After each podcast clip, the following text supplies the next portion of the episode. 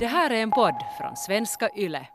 Jag måste bara berätta en, en helt sjukt rolig sak. Förra veckan så fick jag eh, ett meddelande av min kollega Nicke Aldén som bara skickade så här, "Titt- har du tittat i finlandssvenska ord och uttryck på Facebook? Och jag bara, nej jag är inte ens med i den där gruppen, men sen får jag kika. Och det där, där är nu en mycket, mycket upprörd dam som säger så här. I förhandsinformationen för Ylepodden av Kia Svetihin skriver hon att denna gång sällskapar jag med Peter Alfakir. Förra veckan var det en annan person. Visserligen säger man ett, ett ombyte för nöje, men är det numera helt föråldrat att ordet sällskapa betyder att ha ett förhållande?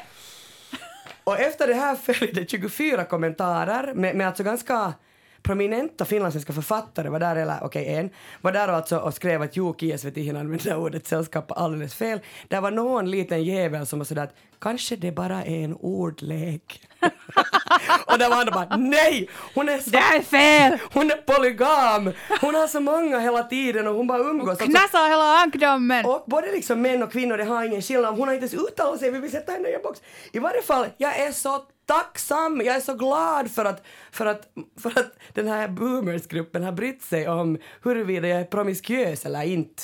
Jag kan säga att det där, idag så sällskapar jag med Biffen. Hej! Plus att det där inleder ju bara hopp om det att andra tycker att du är jättesexig. Så jag menar, hej. Det, Och, och någon hade till och med skrivit så här. Herregud det var konstigt, mitt i allt hörde jag att hon sällskapar till och med med min brorson. Jag bara, okej vem var det här? vem av alla mina män var det här?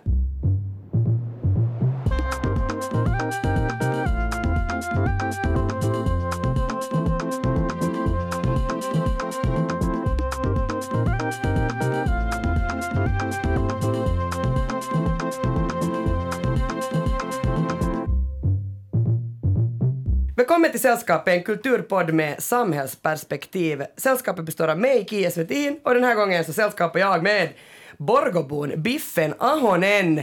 Nu måste jag säga Borgobon Biffen Ahonen, för Biffen, du har just köpt en lägenhet i jag fick Borgå. nycklarna igår! Ja! Herregud. Kapitalism! Du vet ju att jag är från Borgå. Jag vet. Borgå är en underbar stad. Jag är så lycklig. Jag tänkte alltså, jag vet inte om jag är, är jätteglad, alltså det här är bra nyhet eller en dålig nyhet att du köpte en lägenhet i den stan. var så jätteorolig. Nu är det hela stans fördärv. Nej, jag ska bete mig. Jag, jag tycker jättemycket om Borgå. Men, men alltså okej, eh, varför ville du just flytta till Borgå? Äh, no, Nära alltså, pappa. Nära pappa. Nej, min pappa bor i Lovisa. Nej, men alltså, det kändes liksom... äh, jag fick liksom så här hemsk coronakris när jag var instängd i min väldigt, väldigt lilla hyreslägenhet. Och sen så flyttade jag till landet och det var jättekul. Vi har alltså landet i Lovisa och vi har också vår office i Borgå. Vi stängde vår office i Helsingfors. Så det känns liksom sådär att nej, behöver man, varför måste man bo i Helsingfors? Och alltså många av mina kompisar har också flyttat bort därifrån nu. Och vi har liksom funderat på det här att varför, vi har bestämt oss någon gång 1997 att Helsingfors är det enda stället i världen man kan bo på. Så var det sådär att nej men det stämmer inte riktigt mer. Plus att nu är jag, jag är också, jag är 41, jag fyller snart 42, vet du, det är dags att flytta till landet och så kan jag sitta där och virka, vet du.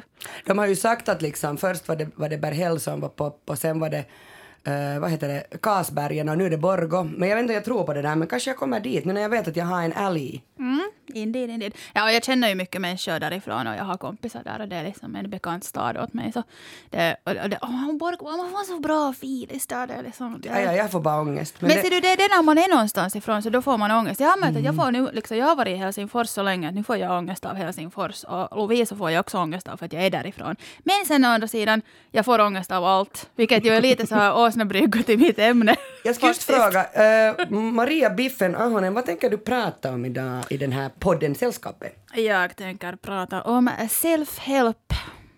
Liksom bö- Självhjälp. böcker Alltså eller? böcker och nu, nu äh, fantastiska Youtube och podcaster som har öppnat en helt ny portal in i självhjälpens underbara fluffiga värld. Mm, jag har aldrig i hela mitt liv läst en självhjälpsbok men jag äger några.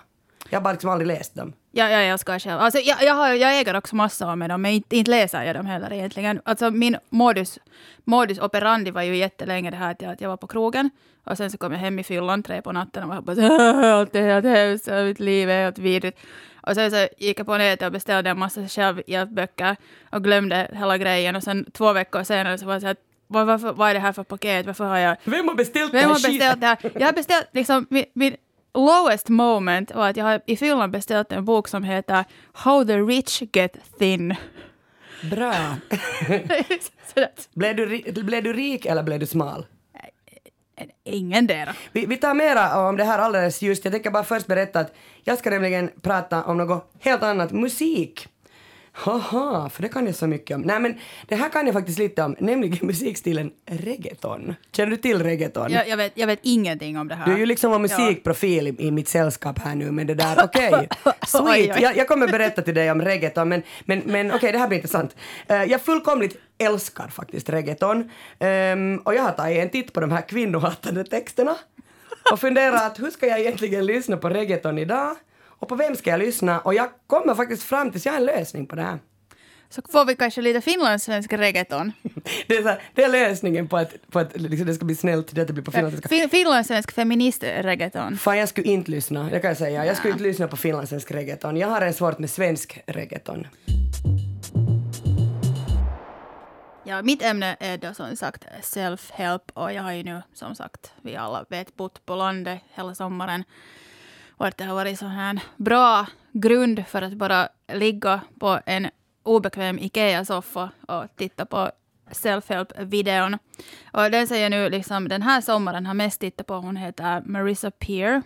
Hon är engelsk och hennes eh, hennes idé är då mest det här att, att I am enough, jag duger. Och då ska man sätta omkring lappar överallt och, och på sin telefon och liksom muistutus, äh, påminnelse på telefonen att, att jag duger, jag duger. Och jag var så att först var jag sådär att okej, jag, ska gå, jag ska gå omkring och tänka jag är jättebra, jag duger. De flesta self-help-grejerna går ju ut på det att du ska bara fundera på att jag är jättebra, jag är vacker jag är, jag är framgångsrik, jag är rik och, och liksom allt, alla såna här jättepositiva grejer. Men jag har liksom börjat fundera att blir du inte en helt otroligt obehaglig människa om du går omkring och bara sådär att, att hej, hej Kia, hej, jag duger, jag är jättebra, jag, jag är jättevacker, jag är jätterik, jag är jättesnäll, jag är jätteemotionell. Det, det är bara sådär att, att folk vill ju liksom mörda dig sen till slut. Så inte det heller bra att sen så blir du vet du så lycklig i dig själv att du blir bara världens äckligaste Du är människa. bara sen- shit i hög. Ja, som är sådär, och du precis. jobbar inte mera men du säger men jag duger som jag är. Ja. Men alltså, när, när du sa det där liksom att, att det handlar egentligen alla självhjälpsböcker handlar om att du ska bara övertyga dig själv om att du är bra. Det handlar bara om att förstärka sin självkänsla. alltså det är det ju. Alltså få bättre självförtroende. Ja, Så då är alla böcker egentligen bara en bok. exakt. så här, point being. Okej, vi kan ta nästa ämne. Men, men okej, eh, jag tycker liksom att, att eh, det finns väl en stigma eh, kring det där. Alltså så att jag så- också så här stolt säger så här, jag har aldrig läst en självhjälpsbok. Och, och liksom det, att, att jag lite tycker att det är pinsamt att man läser självhjälpsböcker. Och nu börjar jag fundera, att kommer det egentligen från att i alla filmer så är det ju alltid så där att det är jättepinsamma scener Ja. när, någon, när någon har läst en självhjälpsbok och liksom tittar på det här nu, den är helt förstörd.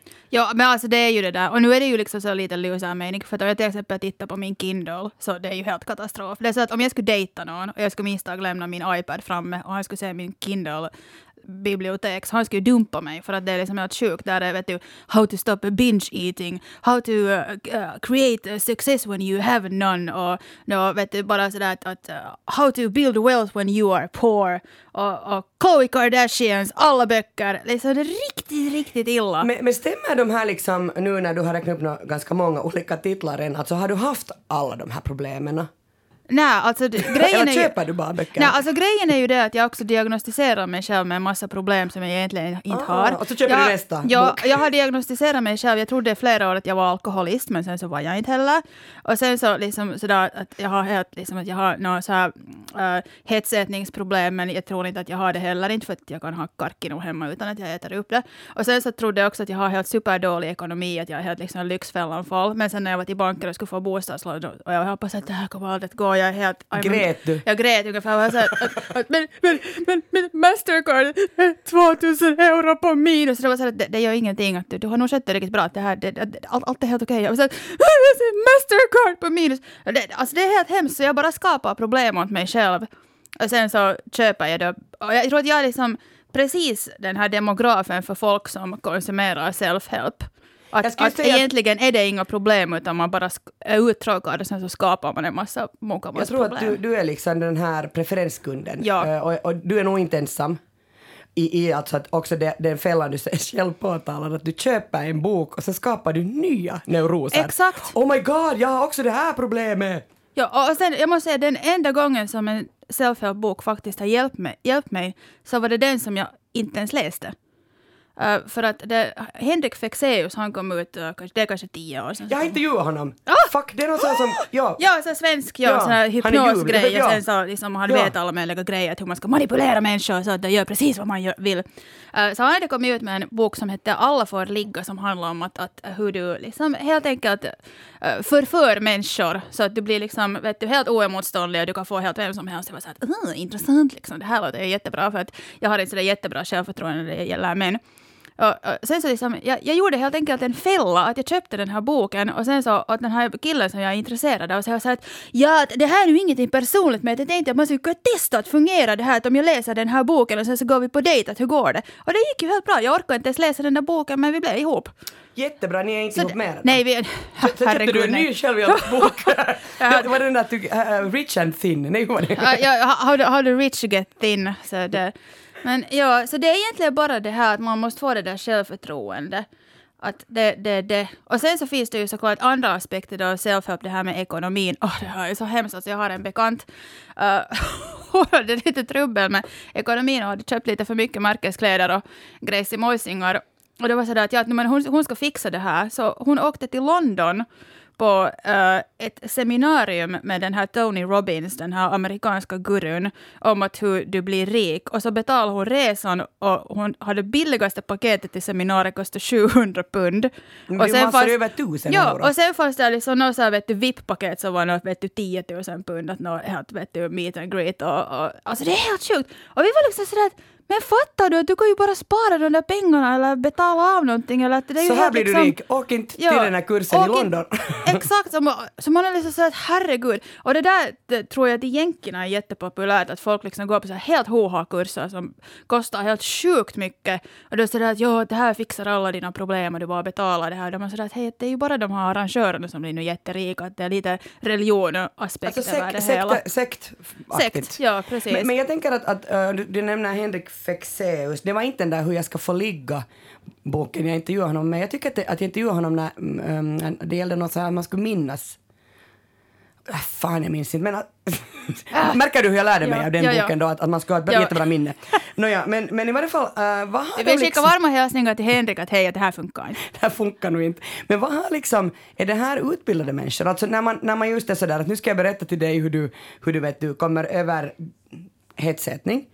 Nå, är det utbildad, utbildade människor som Alltså, skriver? jag, jag tror inte, och nu för tiden är det också att det är massor med människor som har någon YouTube-kanal eller Instagram-konto och sen så har de ett ämne som de egentligen inte kvalificerar, vet du, de har inte läst, läst om det, men sen så får de bara en massa följare och sen mitt i allt är de gurun.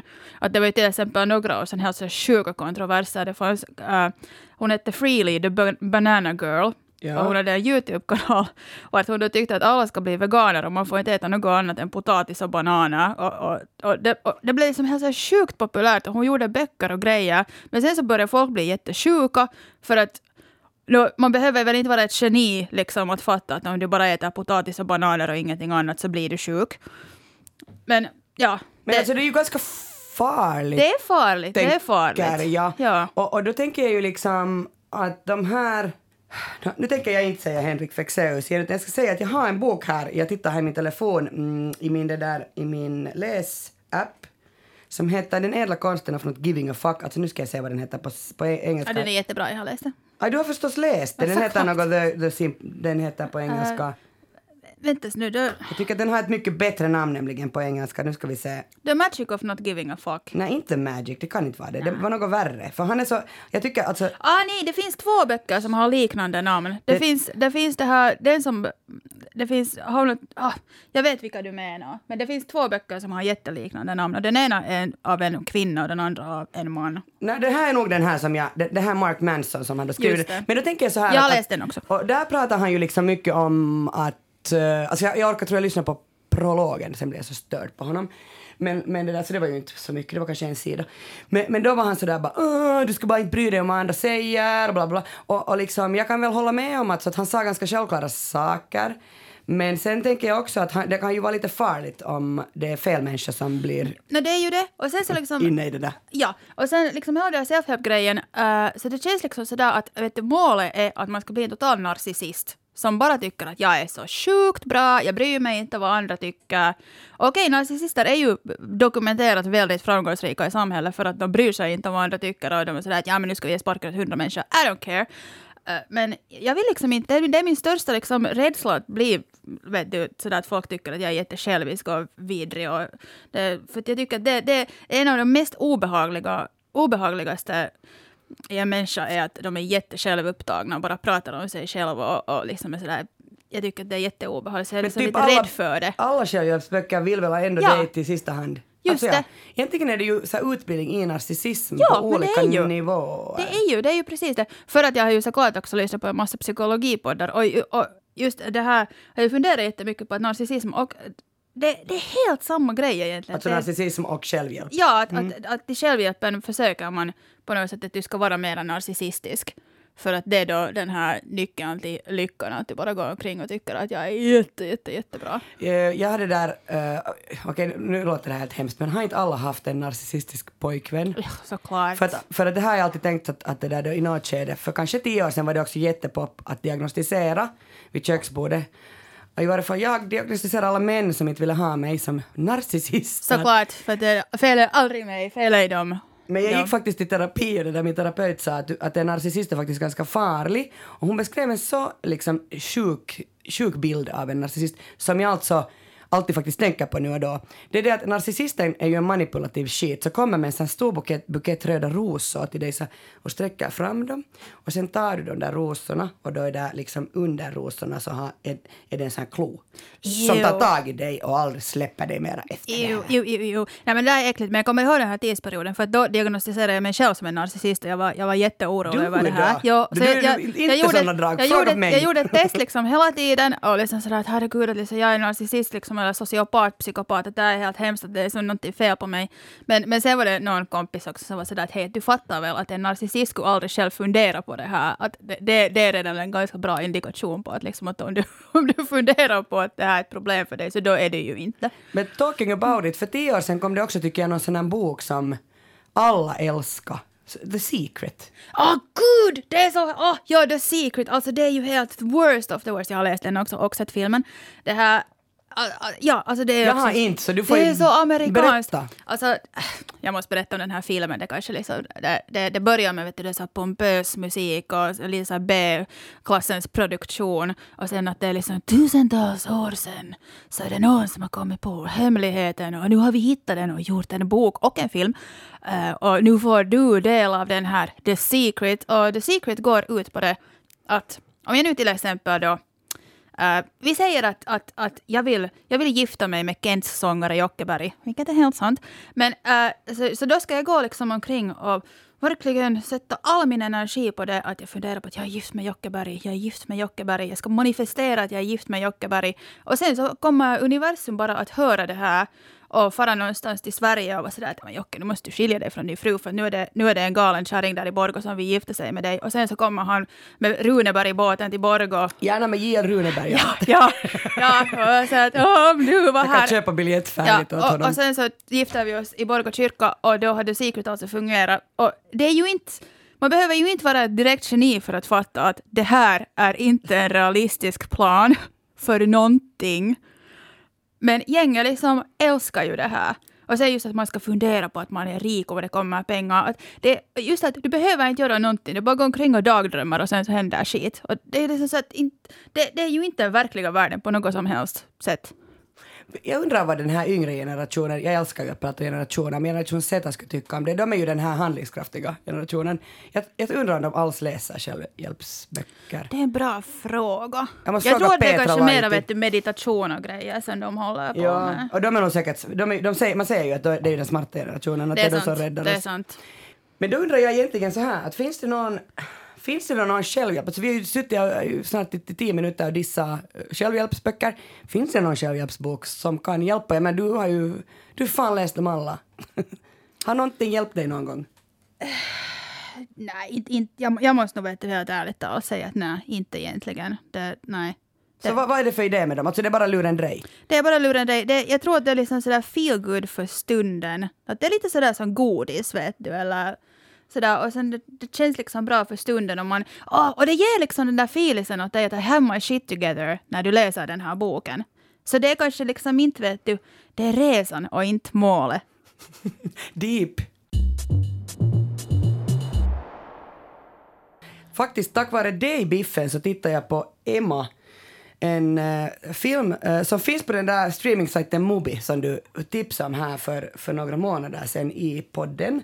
Och det, där, det var ju en uh, spännande film. Alltså, den den gjordes 2019 av den chilenska regissören Pablo Larraín och handlar egentligen då om en misslyckad adoption, om dans och reggaeton och ganska mycket tycker jag faktiskt att den ser på reggaeton som, eller den, den ger ett försök att förklara reggaeton och varför man, man, man ska tycka om musikstilen och dansstilen.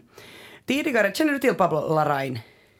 Alltså No. regissören. Jag måste, nej, in, in, inte riktigt. Jag ska säga några grejer. Han gjorde alltså eh, Postmortem 2010. Han, sen gjorde han, eh, och det var kuppskildringen i, i Chile. Sen kom No från 2012. Det handlar om alltså nej-kampanjen mot Pinochet. Och det där, sen har han hunnit göra en film om Pablo Neruda, deras, är det nu nationalskald? I don't know, men i varje fall poet. Och han gjorde också den här Jackie-filmen. Han är ganska känd regissör. Och det där, sen när han kom med den här Emma så var jag nu jätte sådär spänd att vits är så roligt att se en film som handlar om nutid, alltså samtiden. Och det där, eh, då tyckte jag att det var lite konstigt kanske att han inte överhuvudtaget i den här filmen lyckades få med, kommer du ihåg alltså det är så sjukt att tänka att det fanns en tid före mars 2020, alltså före, det före var något coronan liksom kom. 40 år sedan känns Ja, det som. så känns det. Men hösten 2019 så hade man extremt eh, stora demonstrationer i Chile. Kommer du ihåg det här? Ja. Det, det började, han började med någon metrobiljett som steg och så blev det liksom klasskamp. Och jag tycker liksom att om man nu kommer ut med en film så kunde man väl på något sätt få med, få med de här politiska omvälvningarna men, men det, det lyckades han då inte alls med. Nå, Eller, eller kan det vara något att han inte har vågat liksom då ta fasta i det? nå, varför är man regissör om man inte vågar? Öh! Han borde läsa en självhjälpsbok. Just det. Eh, den här Emma, så, no, den, den, den handlar som sagt om en misslyckad adoption. Och, det där, och sen är det så att det är ett, par, den ena spelas av Gabri, eh, Gael Garcia Bernal, den där mexikanska skådisen som jag är jättekär Jag, i. vet, jag skulle just säga att han är så snygg. Åh. Jättekonstigt att vi båda tyckte om honom. Nåja. Men han det där och hans eh, eh, fru är Mariana Di Girolamo och det är hon som är liksom den här dansaren och han är koreografen och han avskyr reggaeton och han kommer liksom, han är turist i Chile och hon är från Chile och liksom hon var alltid på natten och dansar reggaeton och då blir han liksom jättesur. Emma och den här Gaston, som han heter i filmen, så de är inte så jättetrygga adoptivföräldrar. Och vad de alltså gö- gör är att de adopterar ett barn och sen ger de tillbaka barnet för att de inte kan hantera honom och det är ju alltså ett fruktansvärt. Eh, och sen beskyller de varandra. Och, och sen så lämnar hon honom och då handlar resten av filmen om hennes frigörelse där hon då dansar reggaeton på nätterna med eh, chilenare. Och det där, uh, nyckelscenen är när Gaston mansplainar att reggaeton leder till rytmisk fördumning. Och då Emma försvarar den här musikgenren och dansar vidare. Men det här är ju det dummaste liksom. Och det, om någon, om någon verkligen tycker om någon musik så då ska du bara respektera det och lyssna själv på vad du... Lyssna själv på heavy, låt den andra lyssna på reggaeton. Det är helt liksom, låt alla blomma och blomma. Det, men alltså hon borde ju dumpa honom direkt. Det där är alltid en indikation vet, att om någon försöker ändra på dig så då ska du liksom, då ska du springa. Jag funderar faktiskt att borde du skriva en självhjälpsbok? Du kanske nu gör det. Det skulle... Om- om jag, jag, har, musik- jag har så mycket att ge. Ja, om hur musiksmak är personligt. Men jag funderar på det tidigare också för att så det är min skämmesmusik, reggaeton. Är liksom sådär att jag säger det inte så ofta till folk och det jag spelar den inte heller liksom om vi har, eh, jag har jätteofta sån här levirati hemma när jag har kompisar där. Så inte brukar jag spela reggaeton för att alla avskyr den. Jag har liksom ingen chans när jag spelar det. Så har jag liksom några allies där ute som jag vet att tycker om och vi brukar sen popitta tillsammans. Alltså Ja. att det för mig är det jätteviktigt att jag har liksom insett det på äldre dagar, man kan inte heller liksom dissa, alltså om någon diggar Nickelback så Men måste man det- få digga Nickelback. Men alltså det är ju det, det finns absolut ingen dålig musik. Jag tycker att om någon verkligen fanittar Nickelback så då har jag också helt mega respekt för det. Och det är helt, jag tycker bara att det är härligt att någon fanittar. Jag tycker att det är värre med sådana människor som bara säger att jag tycker inte om någonting eller liksom allt är bara skit. Det, det, det är ju det bästa liksom. Det, plus att jag, jag har faktiskt gjort en mixtape även den här gången och där finns Enya som är helt jätteskit. Men ibland vill man lyssna på Enya. Okej, bra. Det här blir spännande. Eh, förstås kan vi säga det nu att den här playlisten ligger ju ute för alla sällskapet lyssnare. Hurra! Hörni, men nu tänker jag ändå så här att jag kunde helt kort berätta vad reggaeton är. Eller vet du Biffen vad reggaeton är? Jag, jag har en hunch, men jag tror att det skulle vara mysigt om du skulle förklara. Det är eh, en, en, en musikgenre som egentligen kommer då från Latinamerika. Och den har in- influenser främst från reggae och dancehall. Så den påminner ganska mycket om dancehall. Det är liksom det att man sätter till liksom elektronika och då blir det reggaeton. Uh, och det är väl det som människor hatar med den, att, att man bara sätter till så här dunk, dunk, dunk. Att det är inte riktig musik, Moka. Just det, just det. Så det blir liksom så här dancehall som har gift sig med någon 90-tals Mr President. Just, hej, precis. Du, nu, du definierar, du definierar reggaeton. Ja. Men, Det var så god. Idag så associerar man nog den här genren med Puerto Rico. Eh, för den har fått starkast fotfäste där, men till exempel Panama så betraktas också som landet där reggaeton uppstod. Eh, I Colombia där man ska ha reggaeton. Och det här var för mig eh, också nytt. Det matchas, reggaeton är alltså storleksmässigt lika stort som den här Bangra muffin som är indisk. Känner du till Bangra muffin? Det låter jättebekant. Jag är så hemskt intresserad av det. Jag blev så glad när jag, när jag researchade om re- reggaeton. Jag lärde mig så mycket. Nåja, ni kan alltså googla uh, Bangra muffin. Det, det är också jä- jätteroligt. Det, Ehm, det låter roligt. det låter så rolig musik. så här, vill du bangra muffin med mig? Ja, jag ska vilja bangla lite muffin med dig. Men la- latinamerikanska musikstilarna som ingår i uh, reggaeton är då förstås uh, bomba, plena, merengue, bachata, cumbia som är liksom helt en av mina favoritmusikstilar. Cumbia är liksom räckakuskarnas uh, musik i Colombia. I, I love it. Åh, låter bra. Och mambo har spelat jättestor roll. Och sen den här dansen, så den kommer från latinamerikanska afrodanser. Eh, Men sen har den blivit inspirerad av både hiphop och reggae och den liksom, jag älskar den här, det här, eh, att man säger så här, dansen bygger på en kombination av rörlighet och tydlighet med fokus på kroppens centrum. Allting händer här liksom vid, vid Pimpi Pippeli område. Åh, jag älskar det. Eh, man kan ju nu snöa in sig här på hur den här vita kulturen, alltså vår kultur, har snottat precis allting från den svarta, men jag tänker alltså helt fräckt nu bara gå vidare. Ja, det har varit tillräckligt med snack kanske om det nu på sistone, så alla vet vad vi menar. De här vita, vita gamla kvinnorna här i den här studien kanske nu inte kan lösa hela det här problemet. Istället berättar jag att när, när det var, året var 2004, det här är länge sedan, så bodde jag i Mexiko eh, och så tänkte jag så här, då var jag ännu alltså så där ung och galen, jag var så här, nu ska jag åka ensam och resa, så reste jag till Kuba. Det är ju där bredvid. Och jag var en hel månad i Kuba i december 2004. Och jag kan säga att Fidel Castro fortfarande var, var vid makten eh, då. Han dog ju faktiskt först 2016, men, att- eller om han nu inte dog mycket tidigare, men de minns inte berättade. Men El Barbudo, som man kallar honom, så det där, vi pratade alltid om El Barbudo, för man fick inte säga hans namn, för det var så farligt. Man, Så det- där som i Harry Potter, den där ena. Precis som i Harry Potter. Wow. Nej men alltså därför att, för att man kan, det, angiv, det var en angivningskultur och så vidare. No anyway, jag går ner till Malecon som är den här strandpromenaden i Havanna. Och om man, om man har sett bilder från Havanna, det är alltid den där som är där, det slår sig, den fantastiska vågor, det är så underbart, alltså myst, mystiskt underbar stad. Och så träffade jag mina kompisar, jag hade ju ändå varit där så pass länge och det där då är det mitt första eh, möte med reggaeton och det låter så här. Vi ska se om du känner igen den här för att du är ju ändå musikkännaren.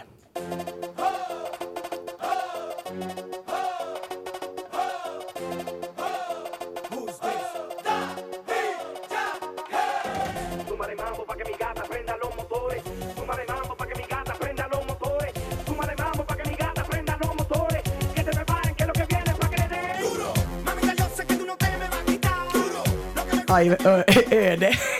Så det, det, det börjar fara, alltså det börjar svipa. Vi vill bara dansa här i studion. Här är helt grym fest på gång. Det är alltså, jag blir, när, när jag lyssnar jag får sådär pirr i kroppen för att det har ju alltså med mina minnen att göra. Jag minns när jag stod där och liksom hade bara massa kaverin och vi bara lyssnade på det här. Och det här var alltså Daddy Yankee ö, med sin låt Gasolina. Den här låten Den kom. här var ju jättepopulär. Det här är alltså det som, då startar reggaetons den här liksom erövring av världen. Och Daddy Yankee kommer från eh, Puerto Rico. Han heter på riktigt Ramon eh, Luis Ayala Rodriguez och det där eh, han myntade ordet reggaeton redan 1994 men sen när han kom då, han kallas alltså för kungen av reggaeton, men den här uh, Gasolina-låten kom 2004, exakt alltså då när jag faktiskt var där på Kuba. Jag kommer ihåg att jag fick en sån här så här bränd CD med den här låten och tog med den till Mexiko. filis. Vi började alla att lyssna på den och jag letade faktiskt när, nu hemma efter den där CDn att det skulle vara så roligt att ha det originalet, alltså mitt original, det var ju förstås en kopia, men bränd kopia. Men det där, men den här Gasolina-låten så han nådde eh, till exempel alltså nominerades till Latin Grammy Award for the record of the year och 2015 så fick, var den här låten nummer nio på listan över liksom 50 greatest latin songs of all time. Så det säger ju ganska mycket. Nå, men sen blir man ju förstås direkt lite sådär spänd på att okej, vad är nu det här? Att han sjunger ju liksom om ej eller gusta la gasolina och det betyder att hon tycker om bensin. Och det är väl eh, he- helt eh, okej, men oftast är det ju inte sen så. Att det bara är bensin det handlar om.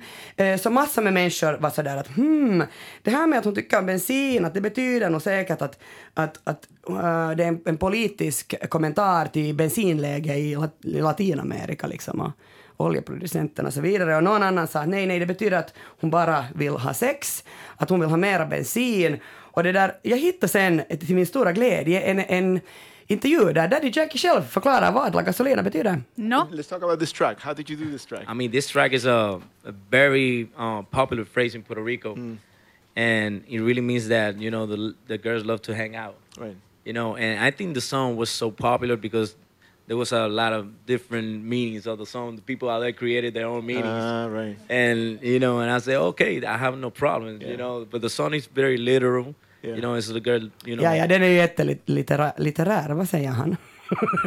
men i varje fall, så det här betyder bara att, att det är ett uttryck för att flickor vill ha roligt. Jag vet inte om man ska tro på det där, men, men jag väljer att tro på det.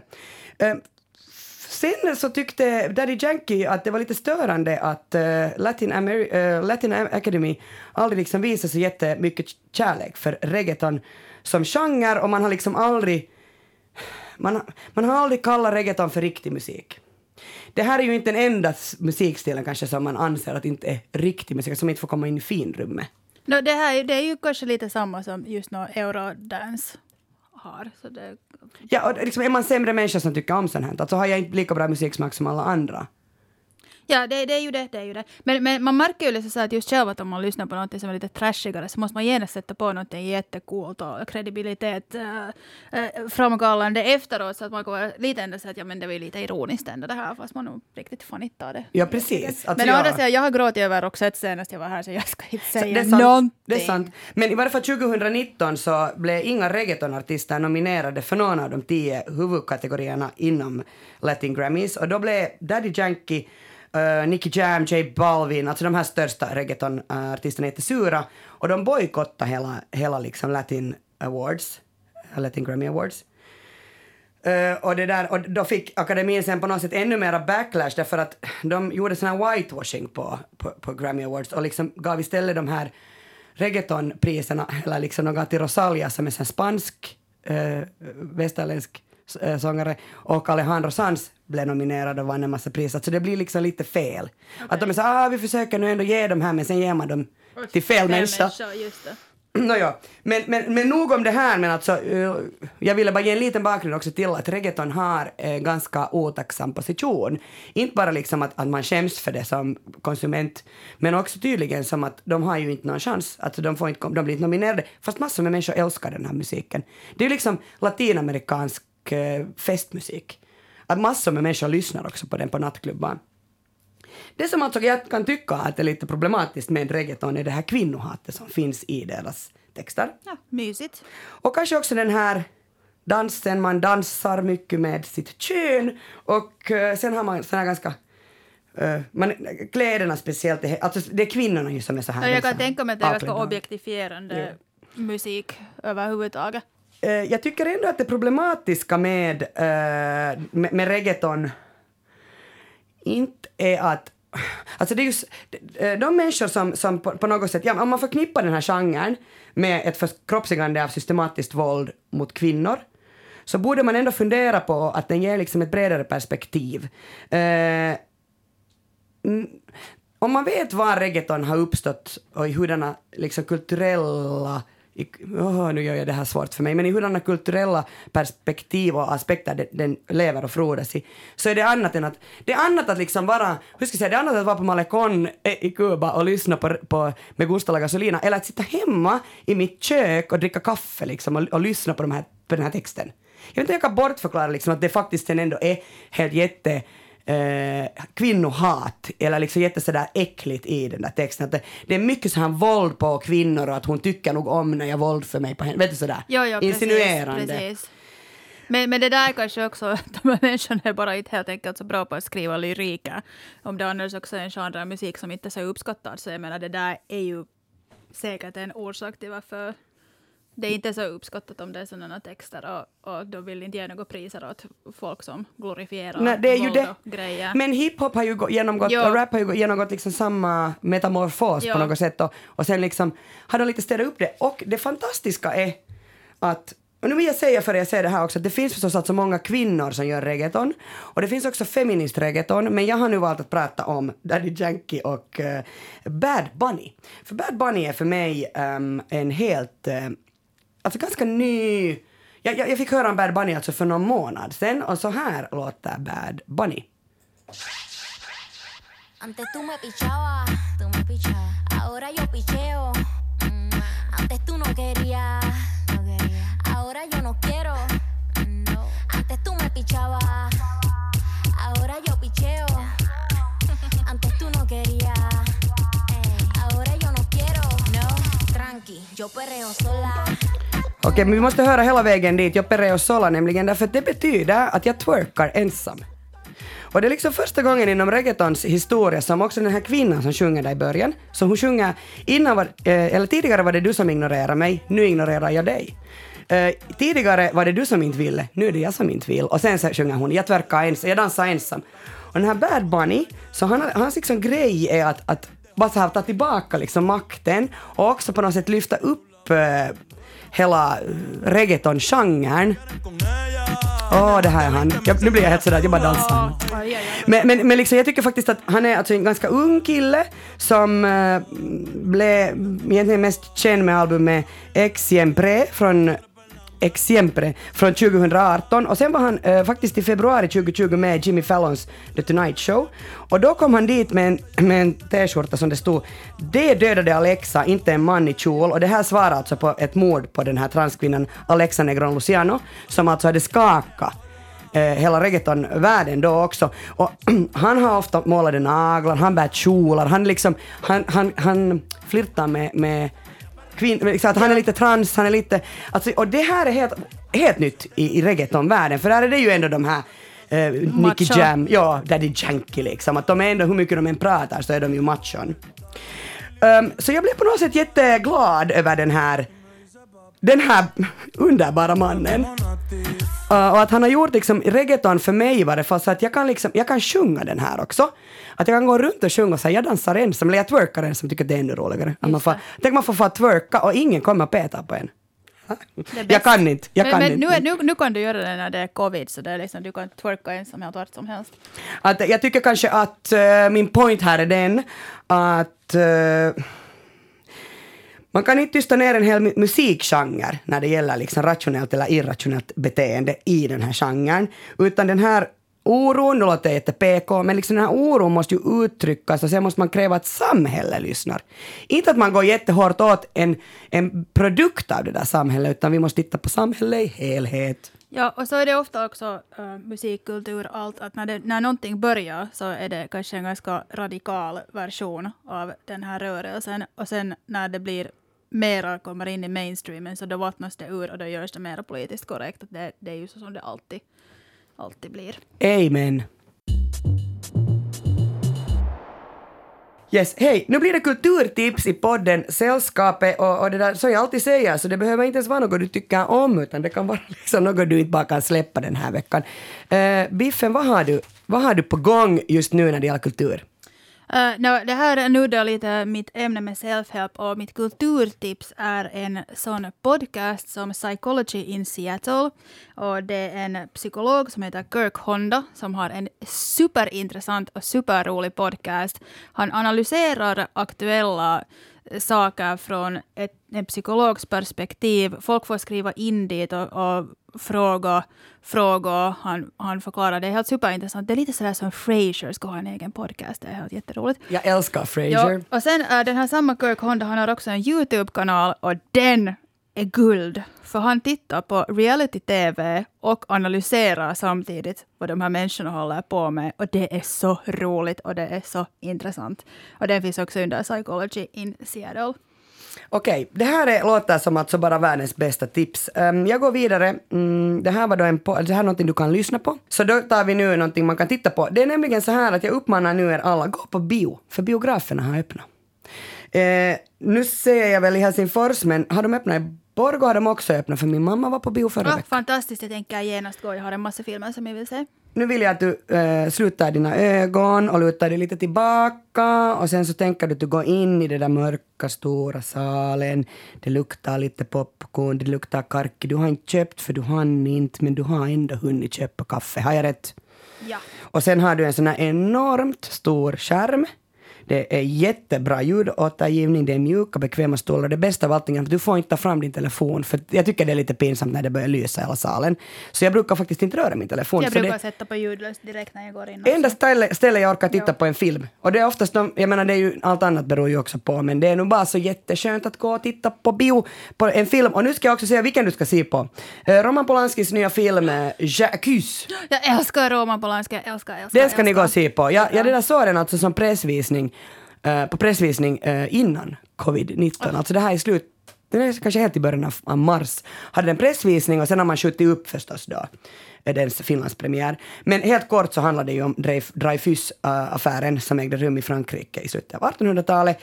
eh, Där den judiska kaptenen Alfred Dreyfus döms till livstids fängelse och det där förvisas till djävulen och han är alltså oskyldigt dömd. Och det där Problemet här, nu sa du faktiskt att du älskar Roman Polanski, men det gör inte alla.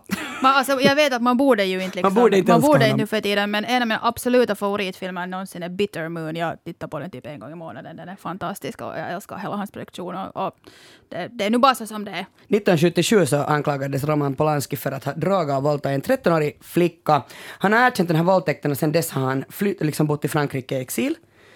Eh, men det där det problematiska kanske, jag måste bara säga det här med den här Jacques-filmen, är att många liksom tycker att han drar kopplingar mellan sig själv och Dreyfus. Men jag säger ändå det att den här filmen är ju extremt bra, han är så otroligt skicklig. Alltså, om man kan bortse från de här, alltså skilja på verk och person. Nu är det lite svårt att skilja på dem eftersom han har proppat in sina egna beskyllningar på sig själv som han tycker att han blir utsatt för en häxjakt i detta fruktansvärda samhälle. Men anyway, Jacques finns i biograferna, gå och se den. Och Biffen, det är alltid så här att när vi har det som allra roligast och min mamma sa att då ska du gå hem. När det är som roligast, få hem då. Så nu tänker jag säga att få hem. Nu får vi hem. Ja, nu får vi hem. Det där, vi avslutar den här podden och jag säger tusen tack för det här samtalet. Tack. Alla referenser och hänvisningar hittar du i avsnittsbeskrivningen på arenan. Nästa vecka sällskapar jag med Tuuli Heinonen och vi hörs då. Hej då! Hej!